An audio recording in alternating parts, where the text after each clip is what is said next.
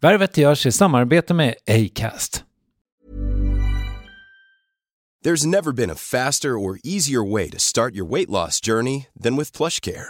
PlushCare accepts most insurance plans and gives you online access to board-certified physicians who can prescribe FDA-approved weight loss medications like Wigovi and Zepbound for those who qualify.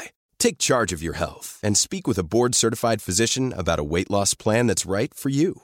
Get started today at plushcare.com slash weight loss. That's plushcare.com slash weight loss. plushcare.com slash weight loss. Life is full of awesome what ifs, and some not so much, like unexpected medical costs. That's why United Healthcare provides Health Protector Guard fixed indemnity insurance plans to supplement your primary plan and help manage out of pocket costs. Learn more at uh1.com. Hey, it's Ryan Reynolds, and I'm here with Keith, co star of my upcoming film, If, only in theaters, May 17th. Do you want to tell people the big news?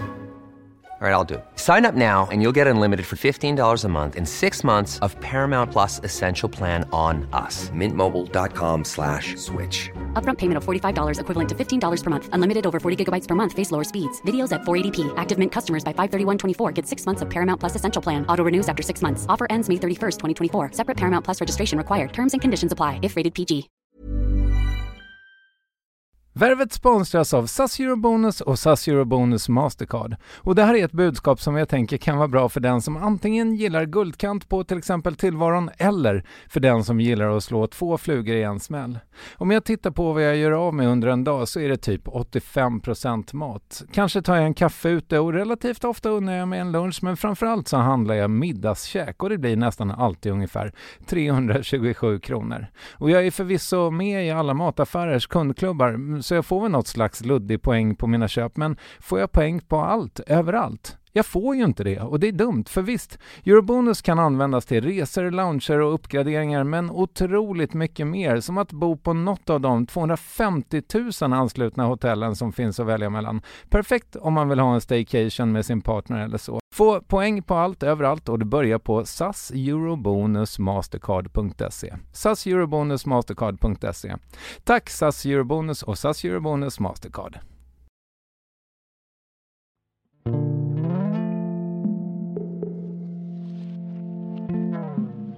Sen så, eh, så började jag bli paranoid och hur ska man säga, hamna i en annan verklighet. Alltså jag, jag skulle hellre, om jag liksom hade råd och tid, vara i den verkligheten och se vart den tog mig. Liksom, om ingen skulle tvångsta en eller om ingen skulle döma en, om folk skulle vara med en. Se vart, vad jag gjorde för konst eller vad jag kom upp med för manifesto liksom.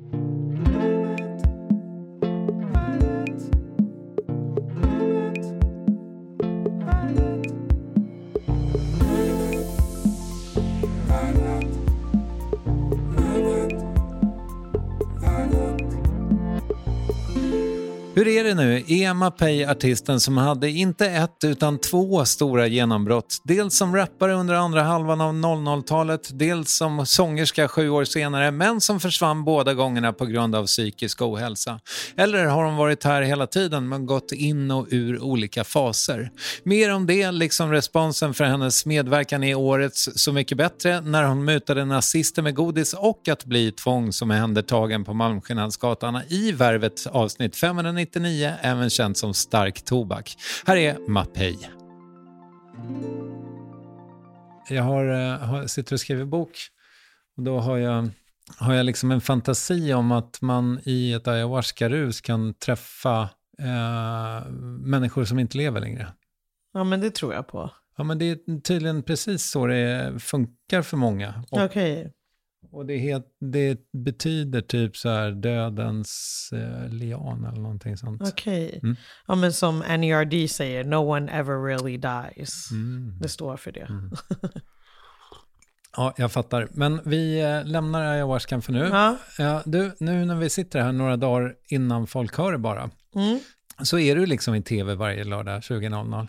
Precis. Ja. Man blir liksom uppskattad, dömd det svåraste är ju att se sig själv så nervös liksom. Alltså se sig själv i ett sammanhang med en grupp av olika stjärnor och liksom eh, dynamiken, hur man blir påverkad av den. Eh, jag växte ju upp på ett, ja men typ så kallat barnhem liksom och jag var väldigt tyst där. Så att när det blir en konstellation av många människor då blir man lite tystare liksom. Okej. Mm. Mm. Man analyserar sig själv. Nu har jag hållit på i nästan 18 år. Och jag har inte tittat så mycket tillbaka på vad jag har gjort och hur jag har betett mig liksom, i intervjuer och i liksom, offentliga sammanhang. Utan nu så tittar man varje lördag med kompisarna och bara, vad tänkte jag då? Vilken liten skör människa liksom. Jag har ju varit väldigt liksom, utåt och eh, rappat och sjungit och tagit plats. Men i det här sammanhanget så är jag lite mer tillbakadragen och det är intressant att se. Mm. Men, men eh, du var lite inne på responsen också. Hur, hur är den då? Ja men alla älskar den, alltså vissa skriver ju typ så här wow du var verkligen grym, vi har aldrig sett dig i det här ljuset. Och sen så blir man ju dömd av journalister och så, det har jag lite svårt för. Jag läste ju Puls när jag var liten och hade liksom svårt för recensioner och eh, ja men typ jag tänkte på att journalisterna bekräftade ens eh, talang på något sätt. Och eh, det är lite läskigt att tänka så, men det har följt med mig i alla år. Liksom, att ja, men du gör någonting och sen så blir du dömd eller bekräftad eller betygsatt av en journalist.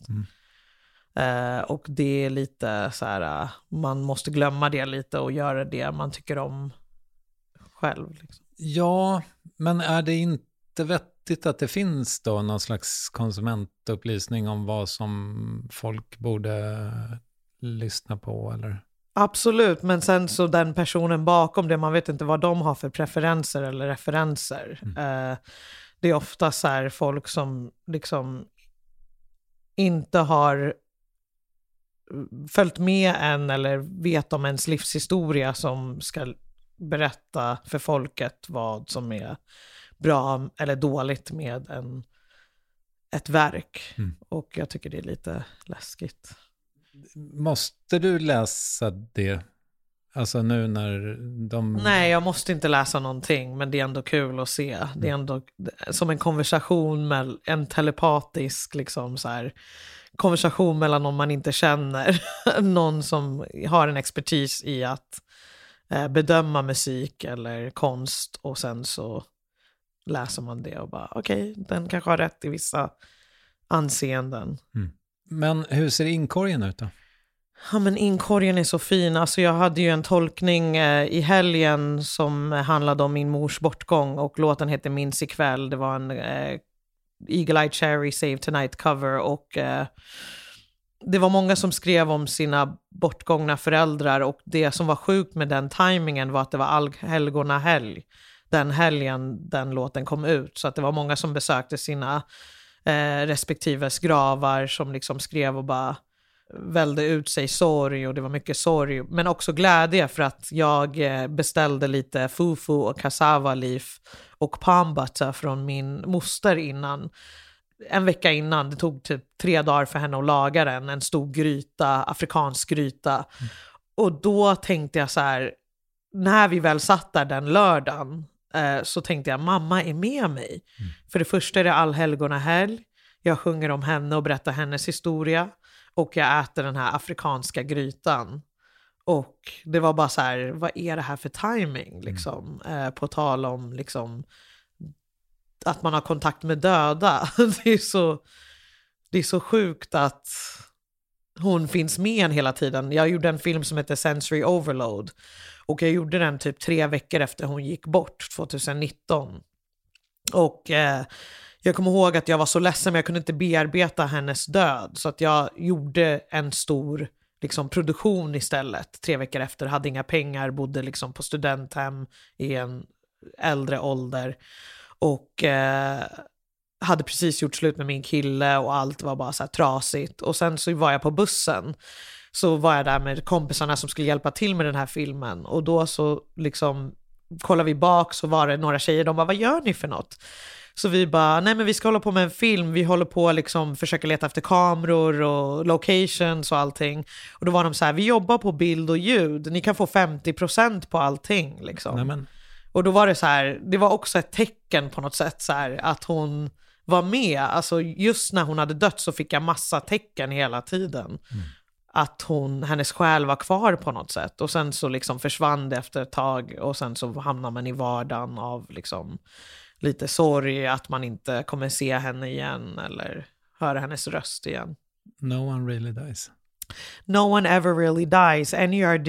Eh, jag kommer ihåg att jag var ett stort NERD-fan när jag var ung och eh, kom ihåg det och jag tänkte på det faktiskt när hon gick bort, att no one ever really dies. Speaking of which, inte riktigt, men Fufu sa du? Ja, Fufu. Det, det är du och Kendrick som jag har hört eh, referera Take off the Fufu, take off the car change, take mm. off the wifi. Nej men Fufu är liksom så här, du, har du sett typ afrikanska dokumentärer när de liksom eh, så här, trycker i någon sorts skål och, ja, och så är det någon sorts vit deg som liksom är i den här skålen. Eh, det är fufu och den äter man med soppa, pepper soup. Det finns en gammal låt av Calypso Rose som heter eh, Pepper soup och den går så här. If you want to go to Liberia, drink pepper soup, drink pepper soup.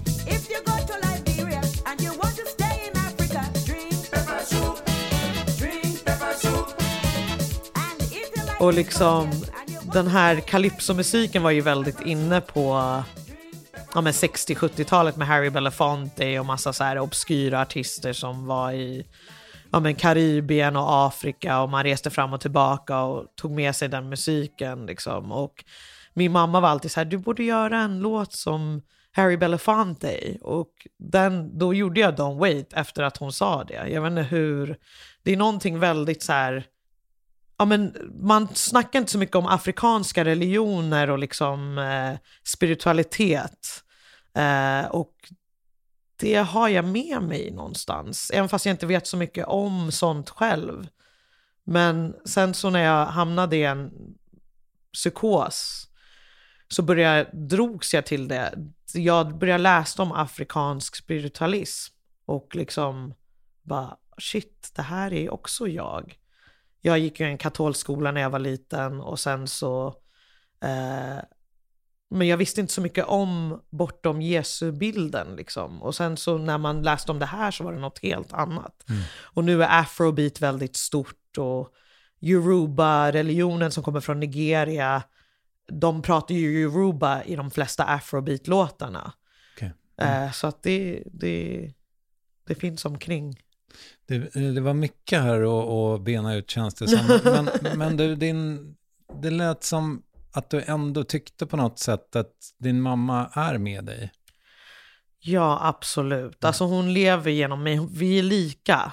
Varje gång jag kollar i spegeln, inte varje gång, men liksom många gånger så ser jag hennes maner och hennes skratt och sådär. Liksom. Jag kan inte förklara det på ett vetenskapligt sätt, men jag måste tänka lite så, för jag är ensam i Sverige. Eh, min familj bor i USA. Det var bara hon och jag här och min styvfar. Så nu har jag liksom min styvfar, han är inte blod, men han är jättefin och liksom där. Men på något sätt måste jag trösta mig med det kanske. Mm. Och du, för visst, du, hade, du växte ändå upp med syskon. Var det på pappas Precis. sida då? Nej, på mammas sida. Så okay. de här syskonen jag växte upp med var väldigt, ja men ganska mycket äldre och mm Eh, när jag flyttade till Sverige så flyttade jag hit själv med min mamma och eh, och sen så var jag själv med henne. Så först bodde jag liksom i, på Detroit Avenue i Providence, Rhode Island med en äldre kvinna och en man som hette Edith Rollins och Lawrence Washington. Och de hade massa barn hos sig för Edith Rollins kunde inte få barn själv. Eh, så det var en kristen familj som liksom hade massa barn där och min mamma lät mig vara där för hon jobbade tre jobb. Och sen så fick jag aldrig vara med henne riktigt kändes det som. Så jag var väldigt så här, ja men saknade mamma hela tiden och liksom ville ha hennes bekräftelse liksom. Och, eh, och sen så när vi flyttade till Sverige så flyttade jag själv, fick jag bo själv med henne och det var jättebra. Då fick jag all uppmärksamhet. Okej. Okay. Mm.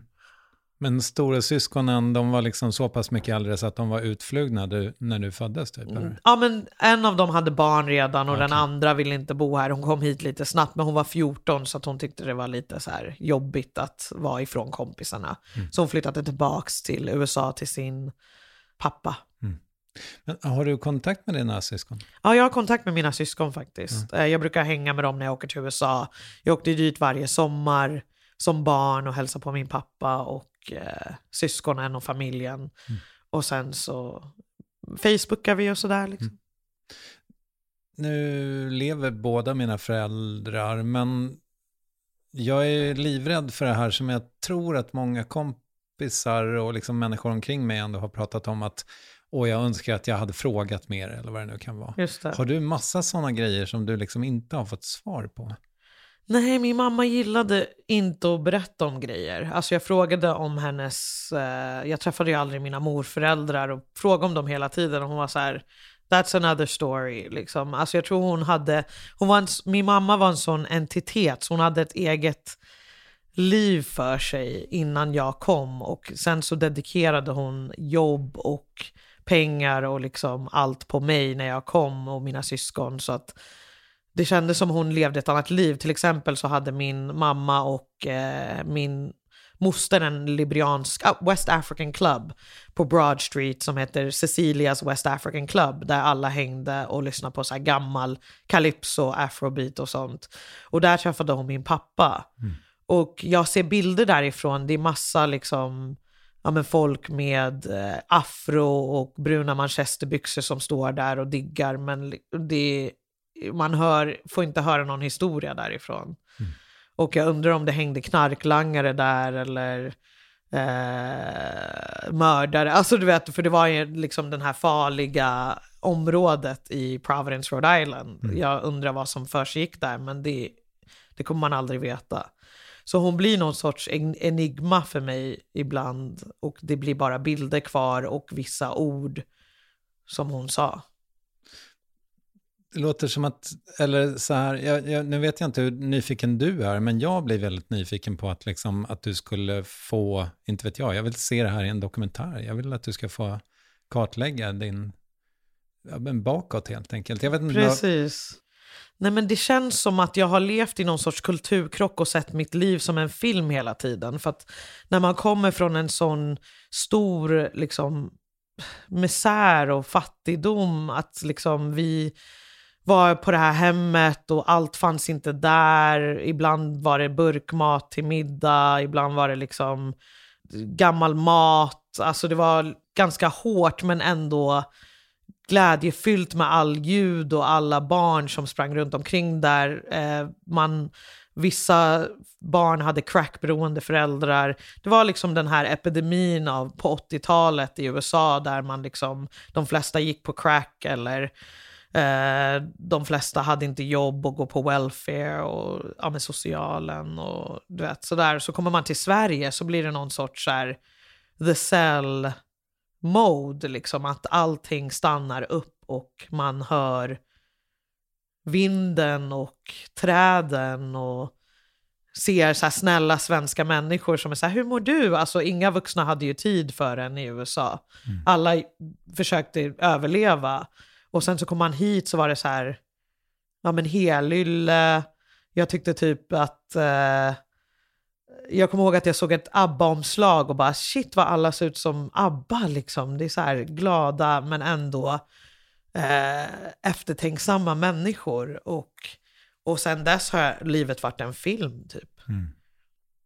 Men är dina, de här liksom fosterföräldrarna, Ja. är de i livet? Nej, de var födda 1925 så de dog ju efter ett tag liksom i sen ålder. Men tant Edith, hon var så himla så här, alltså du vet så här righteous, afroamerikansk, gammal kvinna, hård men rättvis, lyssna på Mahalia Jackson, lagade den godaste kycklingen när det fanns ekonomin med ärtor och potatismos och sjöng för oss och kolla i hörnet av sina ögon på alla barn och bara, är det någon som beter sig dåligt? Är det någon som är taskiga mot Jackie till exempel, Mapei?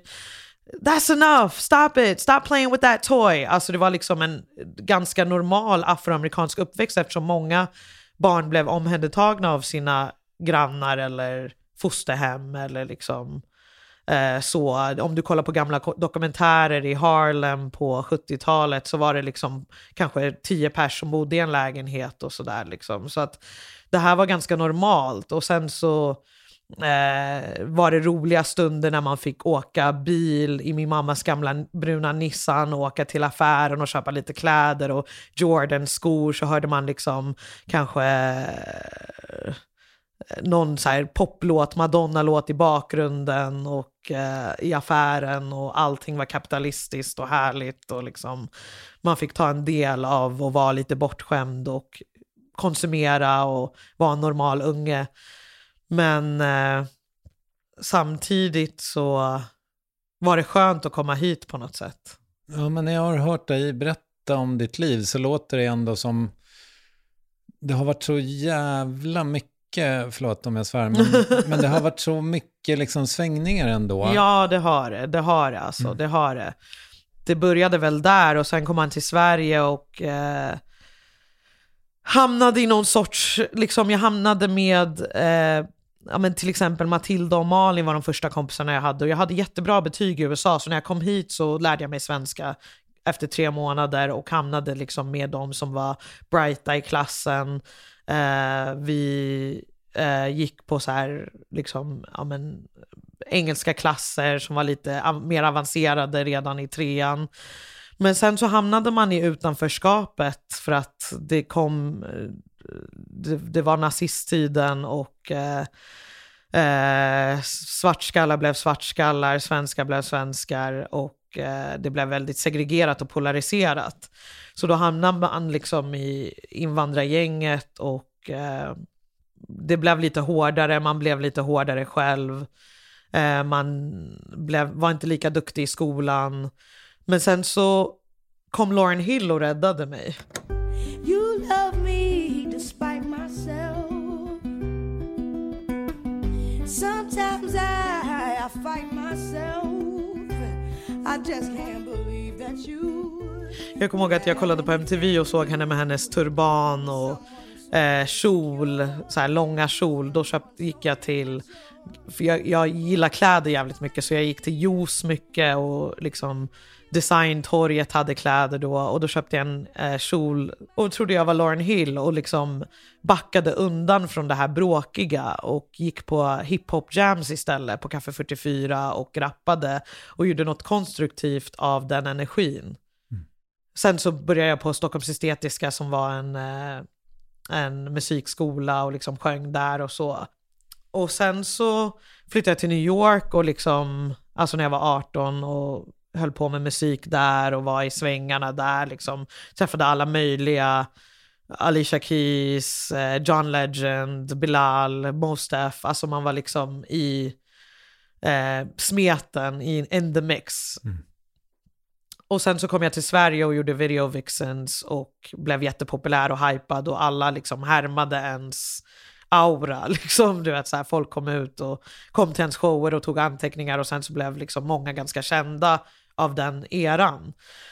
Men då hamnade jag i en dipp, liksom, en depression och sen så har jag hamnat i dem ever since. Liksom, mm, och mm. varit upp och ner och varit i någon sorts... Eh, jag har kommit ut på andra sidan men jag har varit i en annan verklighet måste jag säga. Mm. Ja, men precis. Alltså, jag hörde någon intervju med dig som jag kommer att referera till flera gånger tror jag. Men där det var liksom att ja, men du var 18 första gången du som jag förstod det, alltså som du kom i kontakt med psykiatrin första gången? Nej, eller? utan Nej. det var väl eh, 23 eller någonting. Så att, då kom jag i kontakt med psykiatrin och jag tror att jag hade liksom druckit lite för mycket, känt lite för mycket stress. Jag hängde liksom på i East Village med Mark Ronsons brorsa och jävligt så här festliga människor och sen så eh, så började jag bli paranoid och börja liksom, hur ska man säga, hamna i en annan verklighet. Allting blev som, den här andra verkligheten den är jävligt så här självuppjagande, lite självupptagen, lite naiv, lite läskig och ganska vettig för en när man är i den. Eh, jag började tänka att jag var liksom i en värld av Andy Warhol och Chelsea Girls, för jag lyssnade på låten Chelsea Girls jävligt mycket med Okay. Nico från Velvet Underground. Mm. Så då var jag så här, det här är liksom, det här är någon sorts, och det var ju det, det var ju en rörelse av många konstnärer som höll på, men jag var tvungen att referera till någonting.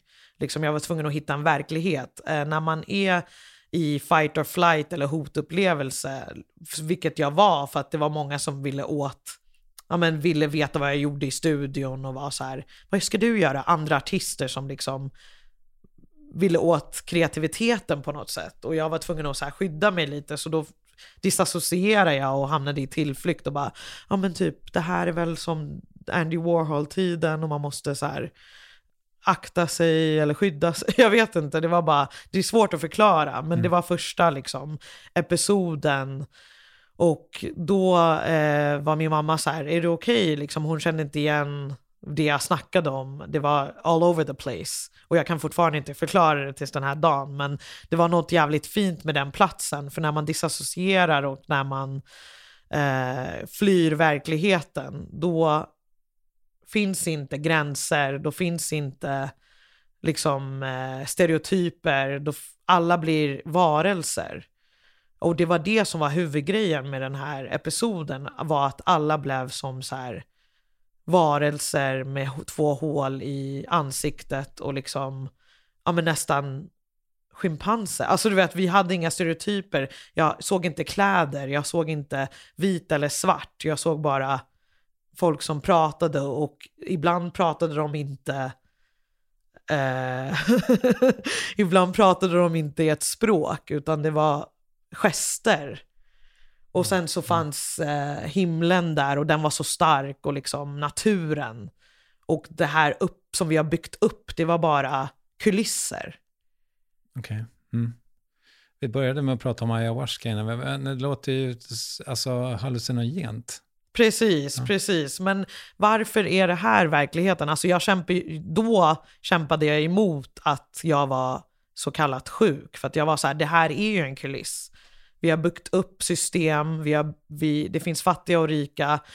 Fattiga liksom kämpar och de här, liksom the, the rich people are in their houses. Alltså du vet så här, det var liksom sunt förnuft på något sätt att inte tänka på termer Mm. och att inte sätta någon på en pedestal eller det fanns bara figurer och karaktärer. Sen så blev det lite läskigt när jag började liksom eh, vara i New York och liksom kunde relatera till hemlösa och schizofrena på stan. Liksom. Och jag fattade liksom, ja men de är i den här andra verkligheten och de pratar med sig själva och jag kanske mår dåligt liksom. Och eh, folk fattade inte vad man sa och sådär. Så då eh, kom jag till Sverige och sen så var jag i min mammas hem i länge innan jag hamnade på liksom psyket. Och då hamnade jag i hennes liksom i andra, alltså jag kommer inte på ett bättre ord, men liksom i hennes vagga på något sätt. I hennes liksom värld och i hennes skydd och hennes comfort. Och då började jag läsa om liksom så här, eftersom jag glömde allting. Det var som att handkloverna var borta helt plötsligt. Allt jag hade lärt mig försvann. Och då började jag läsa på Wikipedia. Man blir ju väldigt manisk när man är i den här liksom, psykotiska episoden. Det kan vara hypermani eller liksom, att man hamnar i depression eller någonting. Och då började jag läsa om en kvinna som heter Mama Wata. Och det var en liberiansk kvinna, jag kommer från Liberia. Eh, och eh, hon eh, har en jättefin bild. Och den här kvinnan är mixad. Hon eh, är svart och vit. Hon eh, pratar i rim. Och hon välsignade den, de som åkte på eh, den transatlantic slave trade i rim. Okej. Och hon, hon sv- svor jättemycket. Och jag var så här, shit, det här är liksom, det här är ganska lik mig och det här är min kultur liksom. Och sen så kan jag tänka mig liksom att för att överleva de här båtarna och liksom och komma till andra sidan till USA så var man tvungen att kanske prata i rim eller det kanske där bluesen och hiphopen kommer ifrån. Alltså det kanske går så långt bak. Mm. Men sen har jag släppt det för att jag pallar inte, man pallar inte vara i den där andra verkligheten för den funkar inte i den verklighet som vi har, som Nej, vi är i. Det blir svårt att betala räkningar och sånt. Men du, alltså la du in dig själv? Nej, utan eh, så jag, eh, jag, eh, min mamma ringde då min pappa när jag hade varit där ett tag. Jag drömde, till exempel, jag, jag, i mitt rum så hade jag byggt någon sorts här, liksom, fönstren blev kyrkofönster, jag drömde på hebreiska, allting blev väldigt spirituellt liksom. Uh, så min mamma ringde min pappa och bara I don't think she's okay. Alltså det är någonting. Och då var han så här, jag gick igenom samma sak när jag var 25. Min pappa är en politisk aktivist, han är väldigt vänster. Så att han bara så här, when I was 25 I uh, ran down the street with the motorcycle helmet on and I was screaming the revolution is here. And they locked me in. Maybe she has the same thing as me. Oh, wow. Och min pappa är bipolär och också psykotisk. Så att hon, han... Uh, tog mig till stället där han var som heter Butlers och där tog de väldigt mycket hand om mig. När jag kom dit först så såg alla ut som tecknade figurer i Family Guy. Liksom alla var så här, hi, how are you? Och så, hi, eh, you doing good? Du vet så här, och jag var så här, shit, det här är Family Guy. Sen så fick jag medicin så började jag komma ner. Och den, när man kommer ner från en sån mani och en sån episod, det är så himla sorgligt för då märker man så här, shit, vad har jag gjort? Liksom vad har jag sagt, vad har hänt och det här var inte verkligt och nu har jag slösat typ ett år på att vara i den här psykosen, liksom, du vet så här, läst om de här grejerna, de finns självklart, alltså liksom, det står på Wikipedia, det står i böcker, men, och jag har sett folk som typ aliens, du vet så här, hur ska jag komma tillbaka? Mm. Hur fan, alltså så här, jag har förlorat vänner, alla tycker jag är knäpp i huvudet. Men eh, sen så, så började jag hänga med så här folk från Plattan typ. Eh, jag tillbaka hamnade utanför samhället, tillbaka mm. i Sverige, hamnade utanför samhället. Min mamma fixade någon liten lägenhet till mig. Och då var jag så här, jag hade aldrig haft liksom en så här riktig kille. Så då började jag hänga med en snubbe från Brasilien som också var inne på liksom så här cordon bleu och santeria, vilket är så här karibisk-afrikanska religioner. Så då liksom bekräftade han på något sätt så här, alltså det var så sjuk timing att jag träffade honom, så jag var så här, shit, det kanske var äkta liksom det jag tänkte. Jag kanske, så då hamn, och så slutade jag med medicinen, så hamnade jag liksom i den här världen igen och började hänga med så här brasilianska communityn här i Sverige och liksom gick på fester på Münchenbryggeriet och, och liksom eh, målade palmträd på, träd på väggarna. Det var någon sorts tillflykt, jag tror jag ville till värmen, för värmen var det enda som var tryggt. Det var somrarna i USA när alla spelade basket, det var liksom inte vintermisär. Så att jag gillar värmen på något sätt. Jag tror jag kommer hamna där i slutändan och kanske vara galen och ta ayahuasca. Nej jag skojar. Mm. men, eh, men, eh, och sen så hamnade jag i den här manin igen. Så det, jag har hamnat i två episoder. Och det här var den andra. Och då eh, gick jag till Malmskillnadsgatan och började prata liksom eh, någon sorts, jag vet inte vart det här språket kom ifrån, men den kändes jävligt äkta till mig. Och då så började, gick jag till Malmskillnadsgatan så stod det prostituerade där, vad jag tror var prostituerade. Och så började jag prata med dem och var så här, ni behöver inte stå här.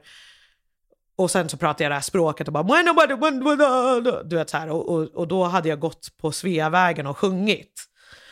Och, och det var några killar som tog in mig i ett rum och de bad, liksom, jag tror de var muslimer, de bad och de var så här, kom in i det här rummet, alltså det här är på riktigt.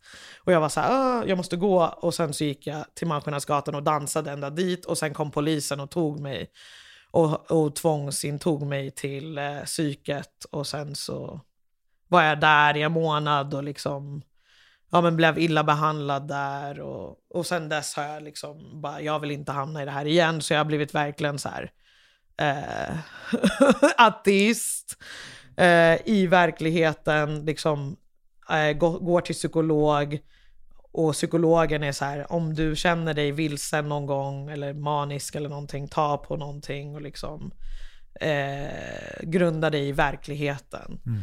Och jag tror att det var en fin plats att vara på. Det var en jättefin plats för det fanns inga fördomar.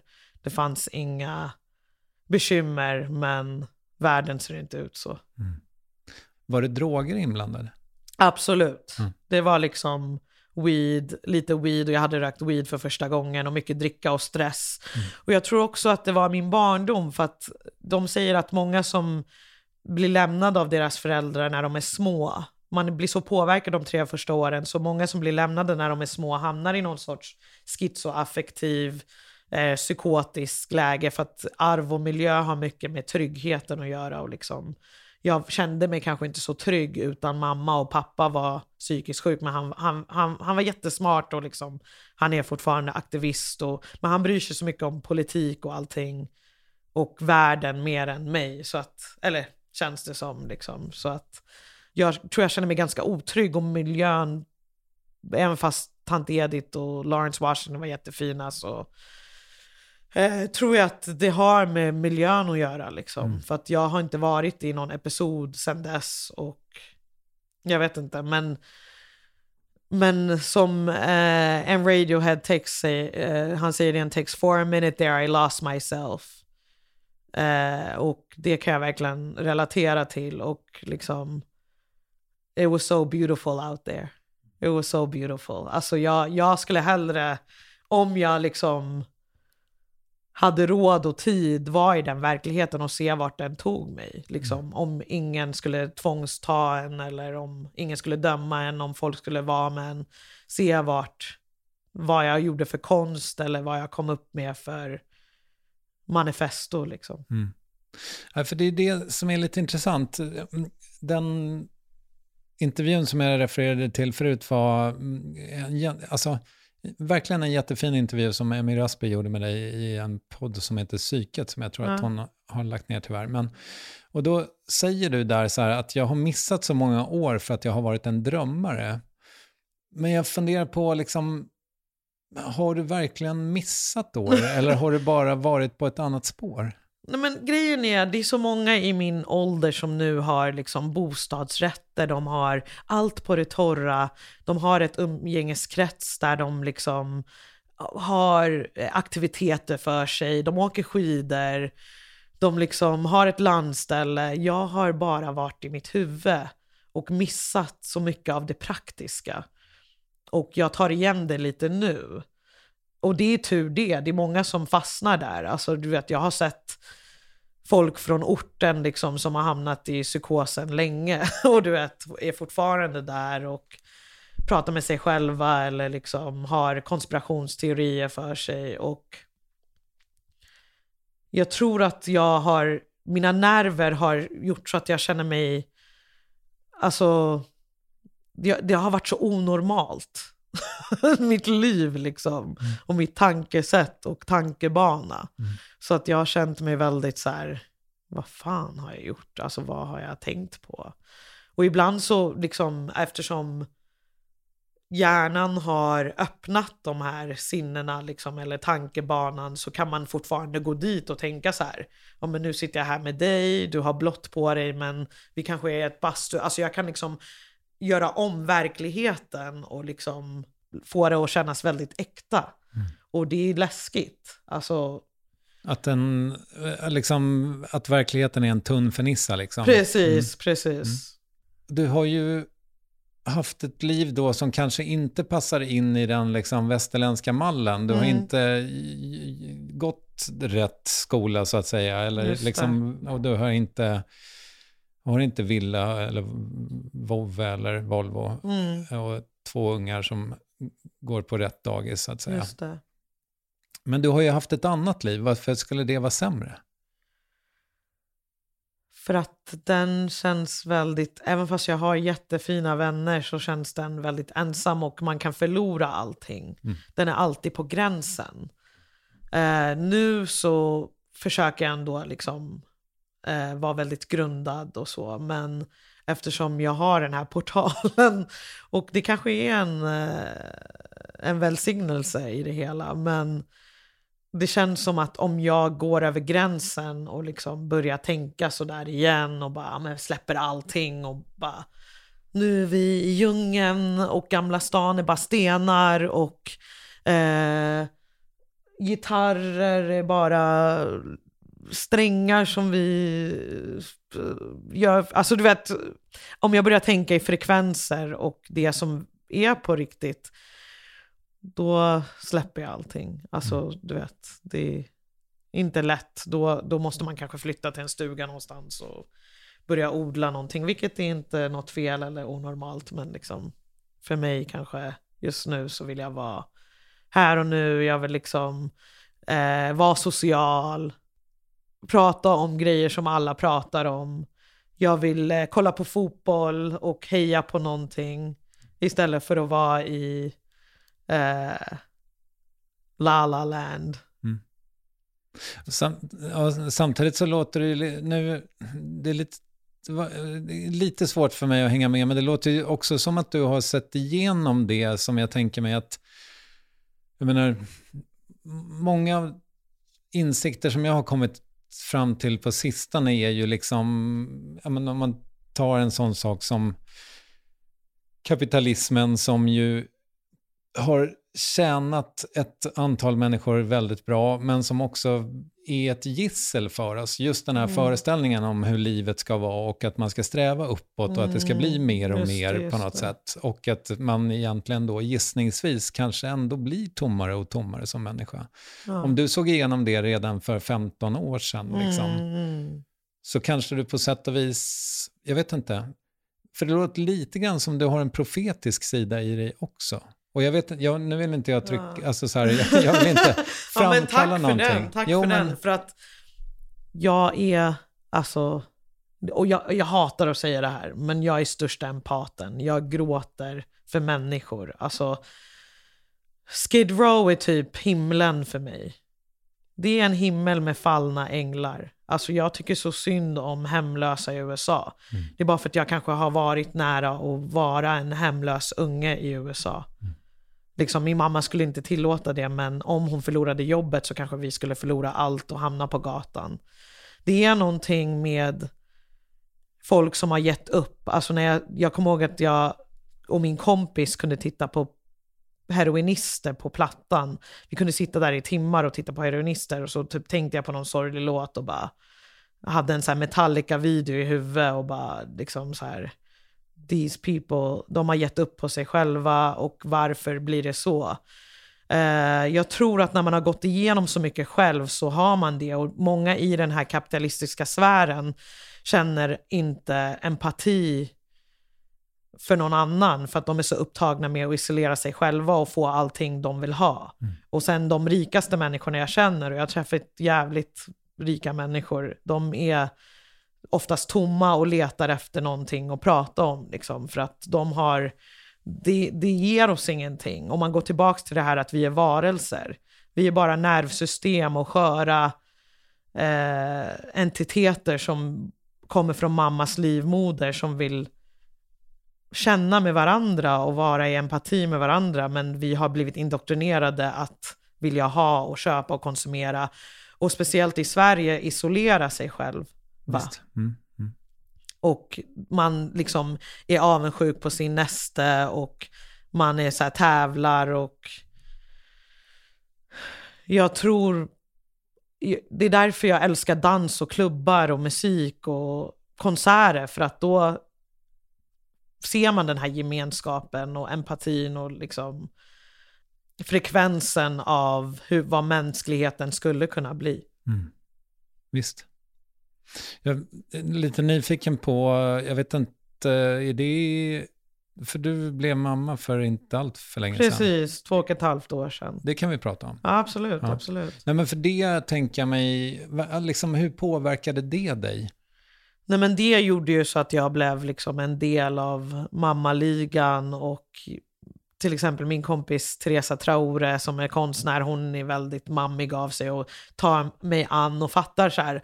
Mapei har varit lite ensam, hon har haft sina upp och ner svängar liksom men det har gett mig så mycket normalitet liksom, och inte i den här liksom, att jag ska konsumera och ge allt till mitt barn utan mer att man hamnar i någon sorts gäng av mammor som eh, vill sina barns bästa och man pratar om sånt och det är jävligt fint. Mm.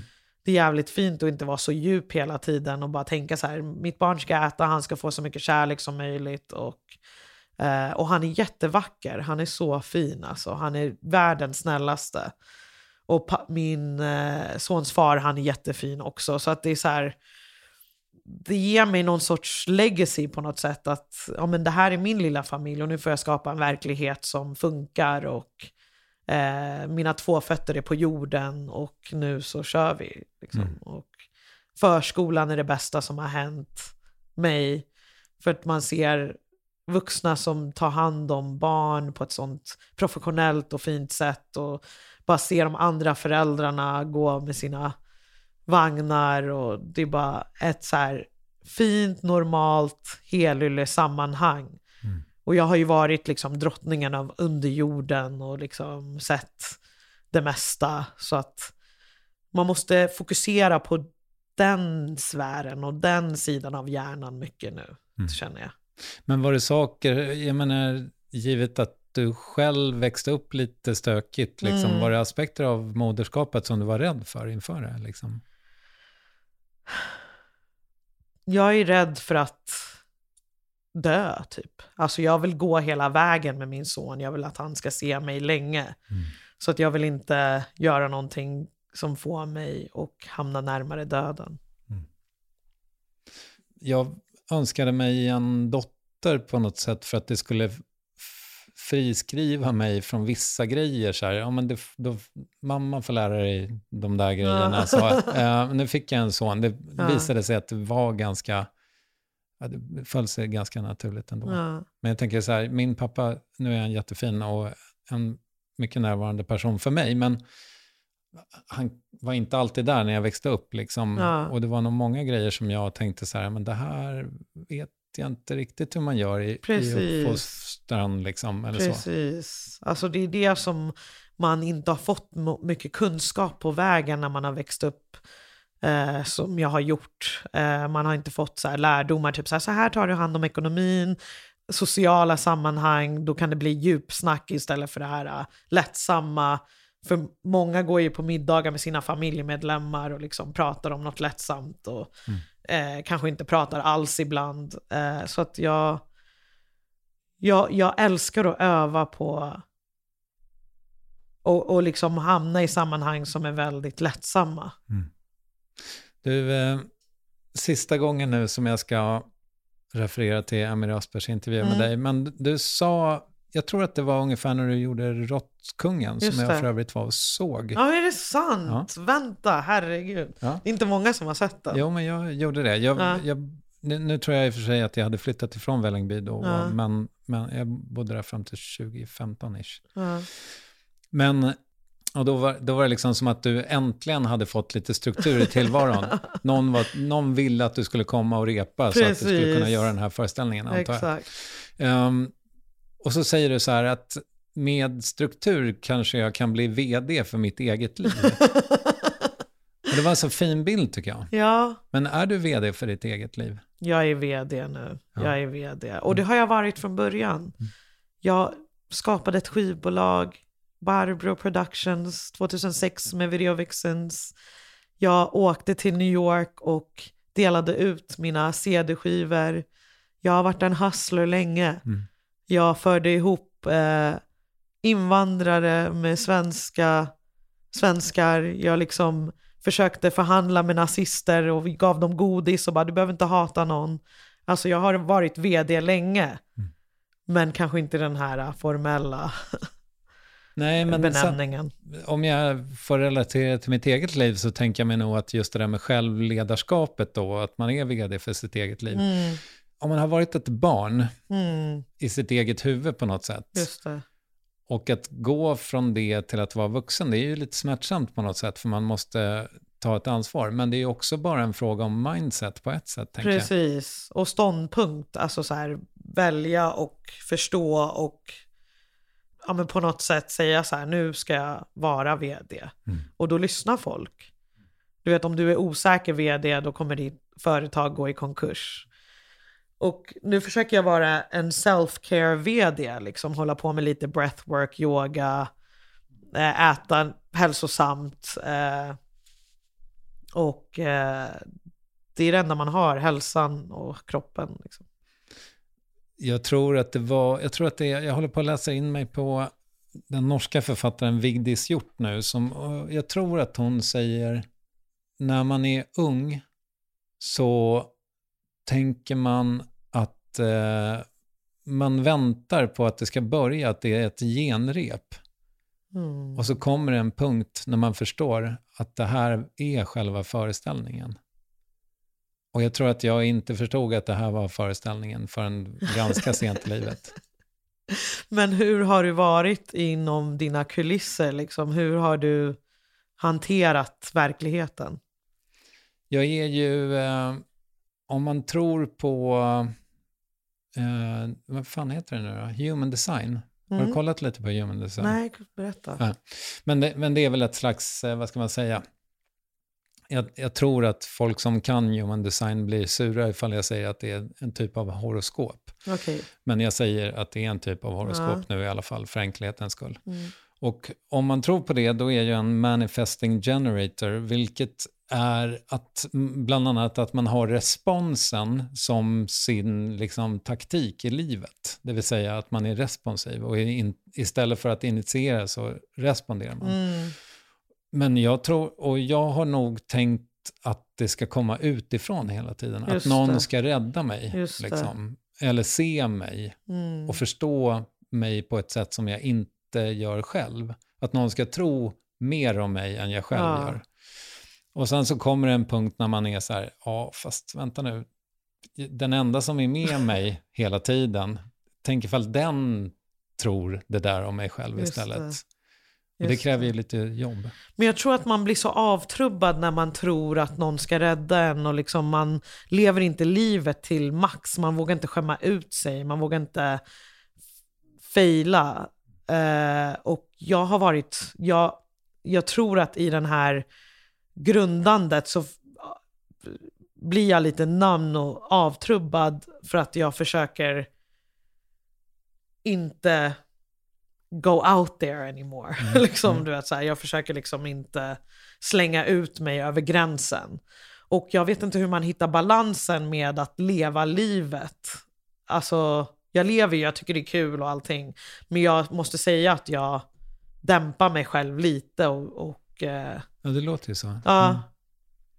Ja, men jag, jag, vet inte, hur gör man? Hur, hur lever man livet och sen är responsiv? Eller liksom? Mm. Ja, Jag tror att det, det handlar jättemycket om att... Jag, vet- jag vet inte exakt, jag är precis i början av den här resan själv, att Ja. jag försöker bli min egen ledare. Liksom. Eh, Men det är väl fan skönt att jag tar tag i det nu, istället Ja. för att... För jag tänker mig att många människor går säkert i pension utan att någonsin ha fått bestämma. Precis, Eller kän, precis. känt att de har bes- fått bestämma i alla fall. Men har du varit i någon annan verklighet någon gång? Eh, ja, jag får väl eh, säga, eh, inte, inte utan substans. Okej, Ja. okej. Ibland tror jag att jag är, den andra världen är någon sorts okunskap. Okej. Alltså liksom att man är lite så här bimbo och bara, men så här funkar det. Men det känns ju så himla verkligt när man är i det, så att det måste ju finnas någon sorts eh, grej med det hela. Ja, men fan samtidigt, jag vet inte. Jag, jag tycker det låter som att när du, de här fragmenten som jag har fått av dig om hur du har haft det liksom Mm. på andra sidan, så låter det ju, ja men som jag sa, alltså på ett sätt också profetiskt. Du har liksom sett igenom systemet. Mm, Eh, Du tog det gröna pillret. Det var verkligen det gröna pillret alltså. Mm.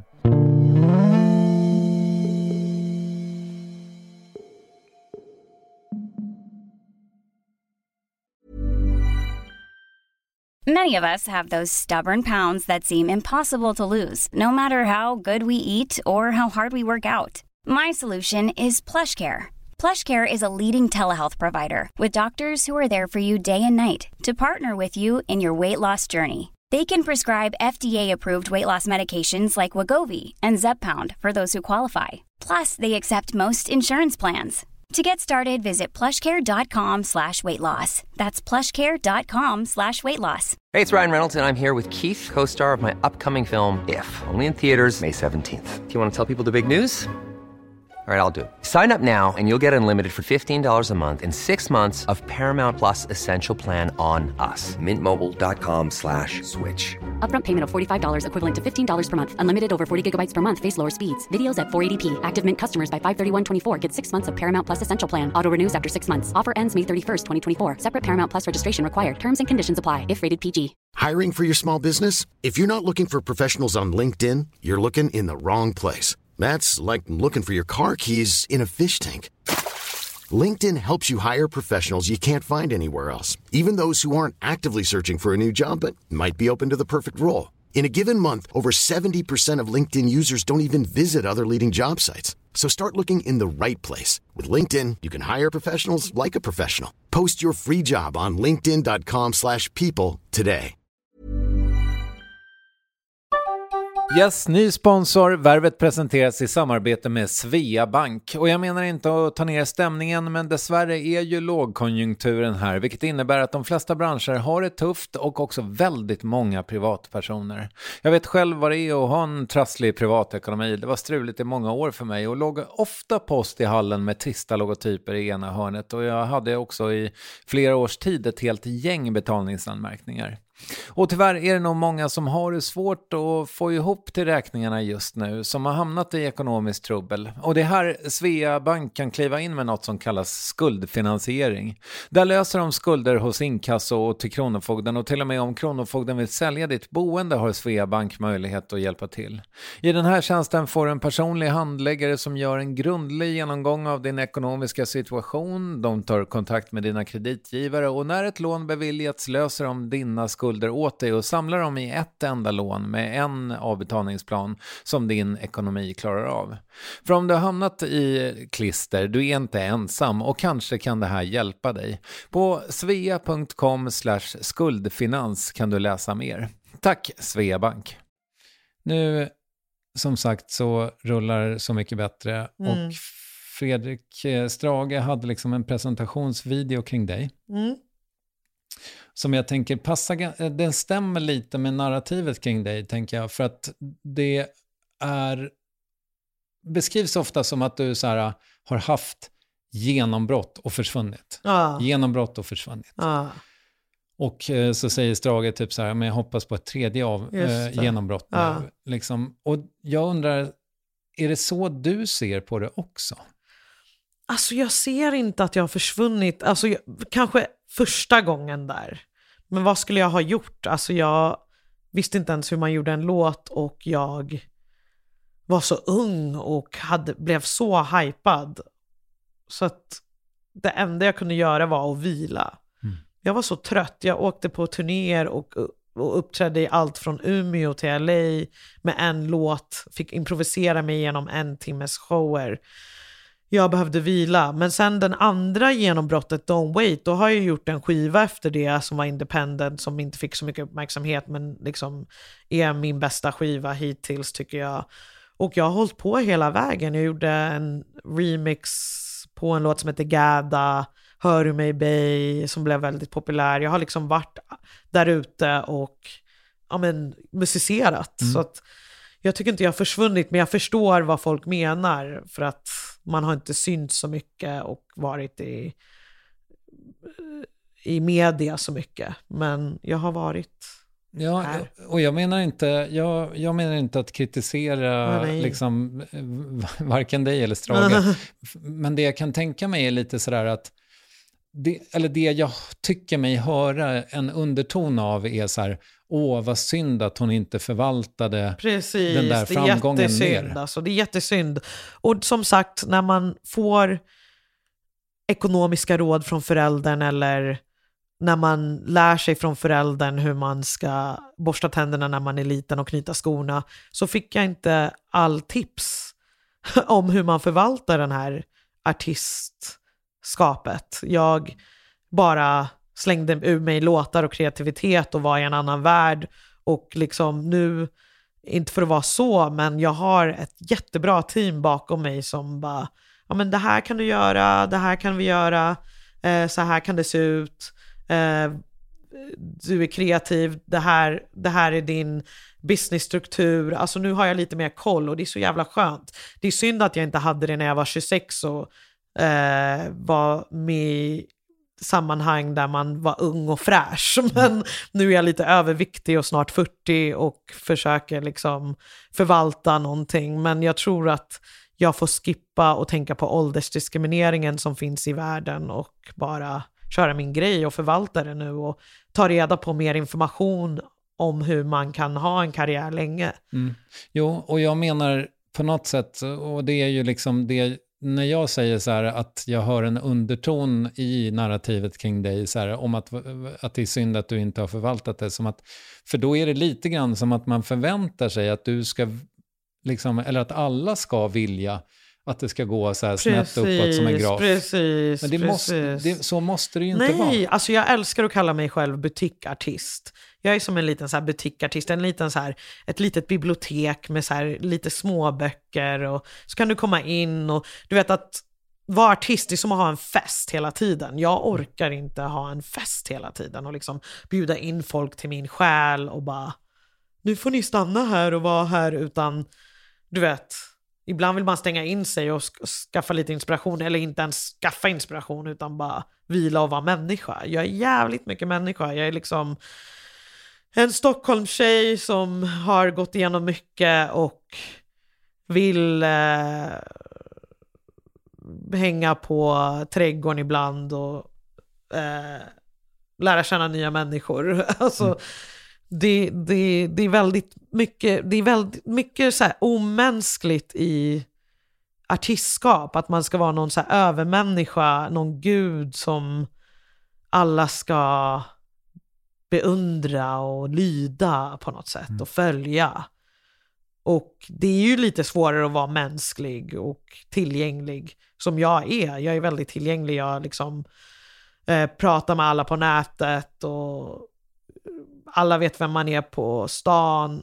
Samtidigt som jag är väldigt så här, oj, vet folk vem jag är? Typ. Alltså du vet, jag har inte, jag fattar inte riktigt vem jag är i den här eh, musikbranschkonstellationen än. Mm. Men jag tar reda på information nu och försöker förvalta. Det försöker jag nu. Och då undrar jag, liksom, för att eh, jag tycker det var så fint, du har gjort sådana här små eh, videor på din YouTube-kanal om de här låtarna som du släpper eh, i samband med Så mycket bättre. Och då säger du i den första, Det jag försöker göra inom musik är att inte falla i någon kategori och liksom skapa en sorts regnbåge av olika stilar som inte blir någon stil, det blir bara mapej. Nej men det är just det här med att vara en butikartist, en smakfull, integritetsfull, konstnärlig, poppig artist. Det är att alla får hänga med mig.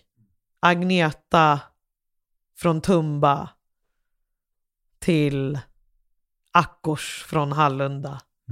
Alla får hänga med i de här historierna och de här paletterna och liksom jag gillar att vara en kanal för det jag har sett. Och kanalisera allt det här och inte uttrycka mig utan uttrycka allt omkring. Och jag, jag, vill, jag, jag tror i nästa skede så ska jag lära mig att uttrycka mig för att det skulle bli intressant och väldigt, inte egoistiskt men så här skapa någon sorts självkännedom. För jag tror inte jag har gjort en låt förutom kanske Swim där jag uttrycker så här. Alltså jag improviserar ju fram det som jag känner i stunden men min röst är någon sorts kanal.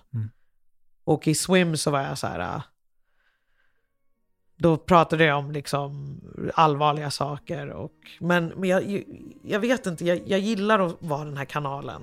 Jag, den är fantastisk Ja. den låten för övrigt. ja.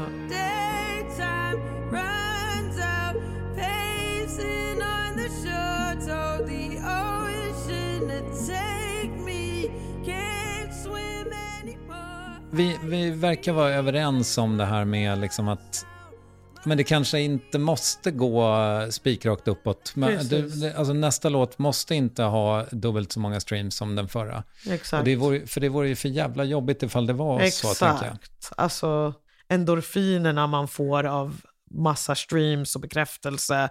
Det är jättekonstigt att bli beroende av det. Men f- du och Eagle Eye Cherry som jag för övrigt sprang på på vägen hit. Okej. Eh, Sjukt. Ja, det var lite sjukt faktiskt. För jag, gick och, och, eh, jag gick och lyssnade på er lilla YouTube-film som Ja, ni hade det, gjort just samtidigt det. som jag fick syn på honom. Ja, ja, ja, ja, ja. Mm. Vad heter det? En eh, synkronicitet? Nej, Exakt. Ja. Synchronicity. någonting sånt. Jo, men ni delar ju upplevelsen av att ha en låt som hela världen lyssnar på under en period. Och då undrar jag lite grann så här, Don't Wait, har, har den alltid varit liksom en välsignelse eller har du varit arg på den också? Jag har varit, om jag kan säga, jag har inte varit arg på Don't Wait-låten, men om jag ska säga någonting så var det att jag inte gjorde den skivan, alltså jag älskar min debutskiva, den är så gullig. Men min andra skiva skulle varit till Don't Wait-låten. Don't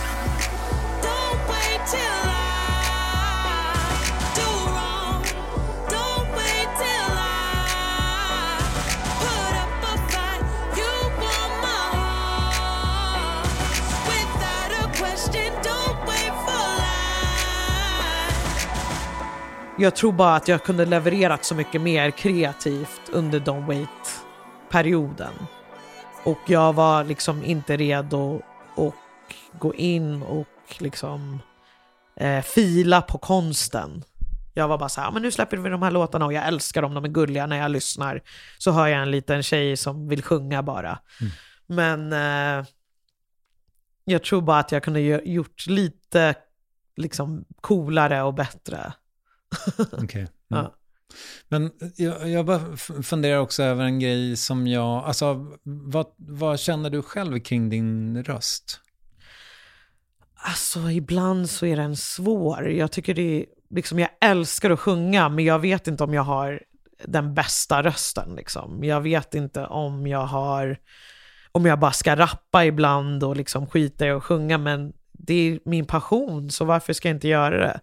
Men ibland så liksom, du vet jag är lite taskig mot min röst. Om jag ska uppträda någonstans så kanske jag röker en cigg eller någonting. Du vet jag bara tror att den ska vara där för mig och sen så förstör jag lite för den för att jag inte riktigt, jag har en så här destruktiv relation med min röst. Och det är hur jag pratar också. Jag, jag har varit väldigt så här, jag tror jag måste gå i någonstans för det, men jag har varit täppt länge, hes länge, jag har opererat stämbanden. Jag liksom vågar inte riktigt, för att när jag var i en episod då sjöng jag det bästa jag gjorde. Och det var bara för att jag drack te och liksom övade rösten då. Och det kom ut så fina saker. Och nu så kan jag inte göra samma sak. Alltså du vet, det, det, jag måste ta hand om den och vara den här tråkiga människan som kanske inte går ut och babblar över musiken. För jag älskar att sjunga och jag älskar min röst men jag är taskig mot den. För den är ju fantastisk, men det hoppas jag att du har fått höra. Liksom. ja, det har jag. Det har jag. Speciellt i låten eh, Nana, from Nana. När jag sjunger extra souligt, det gillar folk. Mm. Extra bluesigt liksom. Det låter så aut- autentiskt.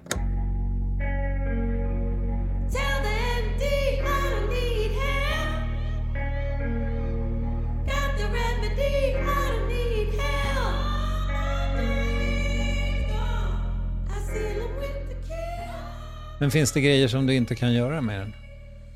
Eh, jag kan inte sjunga så här viskigt och breathy, eller nu gör jag det lite. Men det är svårt att sjunga så här fint som alla Lucia-tärnor gjorde när man var liten. Man var alltid allt. Okej. Men i övrigt så, alltså för, för jag menar, när jag har fått umgås med din röst nu, både tal och sång, Ja så känns den ju men så färgrik liksom. Ja, jag måste nog älska mig själv lite mer nu. Alltså jag tror jag måste ta det steget och jag tror det är det som har varit akilleshälen mellan eh, mig själv och allt jag gör. Är att jag tror inte på mig själv, men jag gör ändå. Jag utsätter mig själv för skönhet och kärlek och eh, fame and fortune, men jag känner inte att jag är värd det. Men det är du väl va? det är vi alla värda, men Eller det, det handlar om att känna det också. Mm. Och nu var vi kanske på det för en stund sedan, men har du någon känsla kring hur du ska, hur du ska komma dit? Att du älskar dig? Jag tror att jag måste ta lugna stunder, dricka te, lyssna på poddar, utbilda mig själv mer, eh, inse att jag är en smart människa, eh, måla lite, pyssla. Jag tror man måste liksom klappa sig själv på axeln med alla eh, förmåner man har och all utrustning man kan få och skapa sin bubbla. För att till exempel, kolla alla böcker du har här och en tavla. Du kan titta på den och det är din utrustning. Du har skapat din bubbla här och jag tror jag måste skapa min bubbla. Mm. Jag är liksom, I'm outside. Men jag, jag, jag tror att du eh, är på någonting där. Jag tror att du ska bli din egen cheerleader, för den, är, den har du alltid med dig. Precis. Jag dejtade en jävligt fin, alltså en så här snubbe i Long Beach och han var alltid så här look in the mirror, say I love you. Det var så svårt. Ja. Det är så himla svårt att se sig själv och lyssna på sig själv och allting, alltså utan att bli...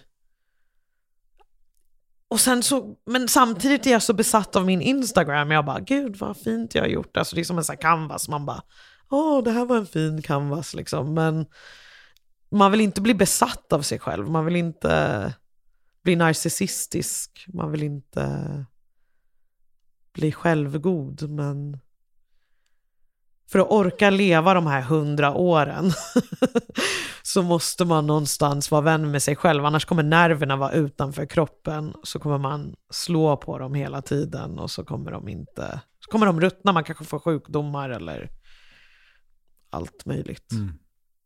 Ja, men jag får bara känslan av att du, du ska predika. Alltså, det kan du jättegärna göra med din fantastiska röst. Du får gärna sjunga dina pre- predikningar. Ja. Men jag tror att du har ett stort meddelande till mänskligheten. Faktiskt. Jag har faktiskt en raptext som är jättebra. Okej, Jag vet inte om ni orkar höra. vi gärna.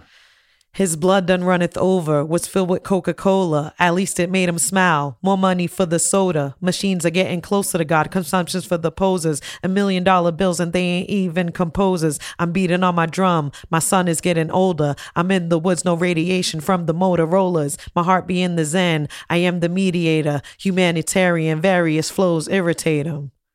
Wow. Men ibland skriver jag lite rap hemma och det är självkärlek, Ja. tycker jag. Ja. Mm. Jag hade faktiskt, en av mina sista frågor var just om det blir mer rap igen för dig. Självklart.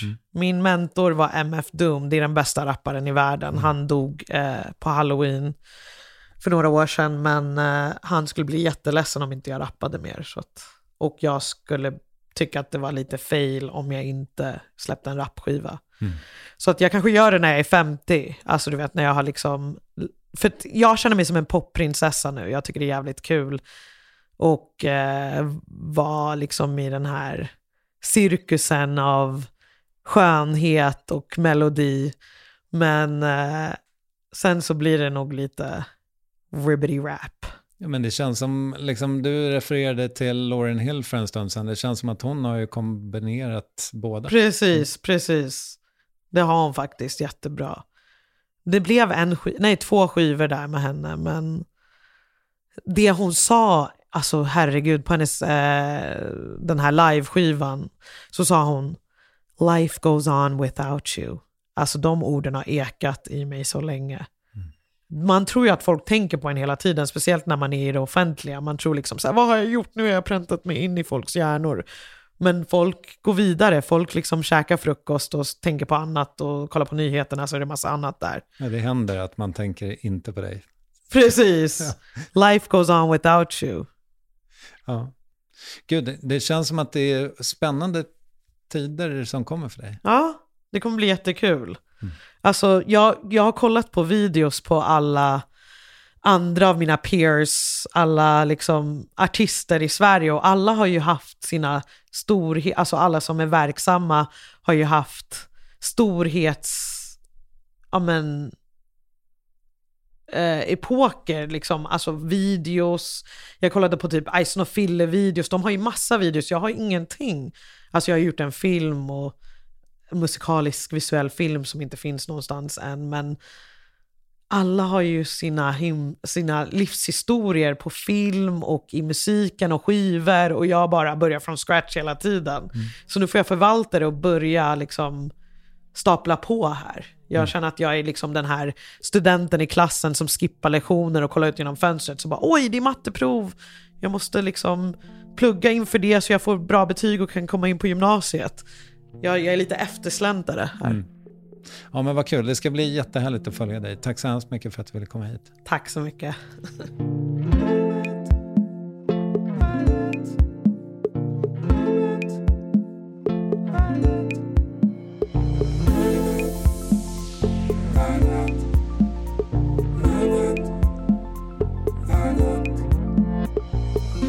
Nästan varje dag älskar jag mitt jobb och det här är en sån dag när jag får dela resultatet med dig och med Mapei. Det ska bli otroligt roligt att följa henne framåt. Och för att följa Värvet, ja då prenumererar man ju i en app eller så. Gör gärna det så är du med oss till exempel nästa vecka när podden fyller 600. Tjoho! Producent Ninni Westin och jag, Kristoffer Triumf, gör Värvet som ges ut av Acast. Här är en snutt av För livet med Mapei och Timbuktu. Hej! Disco-prinsessan, Discoprinsessan, inte som de flesta. Hon som älskar att skratta och flexa och dricka och mingla och skämta och festa. Det känns som alla har vuxit upp, skaffat barn och tar det lugnt. Vad händer med att vara för evigt ung? Man börjar närma sig 30 och det känns skumt. Pubertala minnen, kompisar försvinner. Ansvar och plikter samt vänster Man känner sig grå som en höstdag. Som att stå still i ett publikhav. Men pass på alla ideal och krav. För ikväll är det fest och det är fett med drag. Vet inte hur länge jag kan göra det här. Kanske borde jag bli mer självkär. Samma klubbar, samma snubbar Samma folk är alltid där. Så jag, så jag tar mitt sista sup. Med det här säger jag salut. Men mitt återfall är mitt återkall Och festen den tar ju aldrig slut. Bre.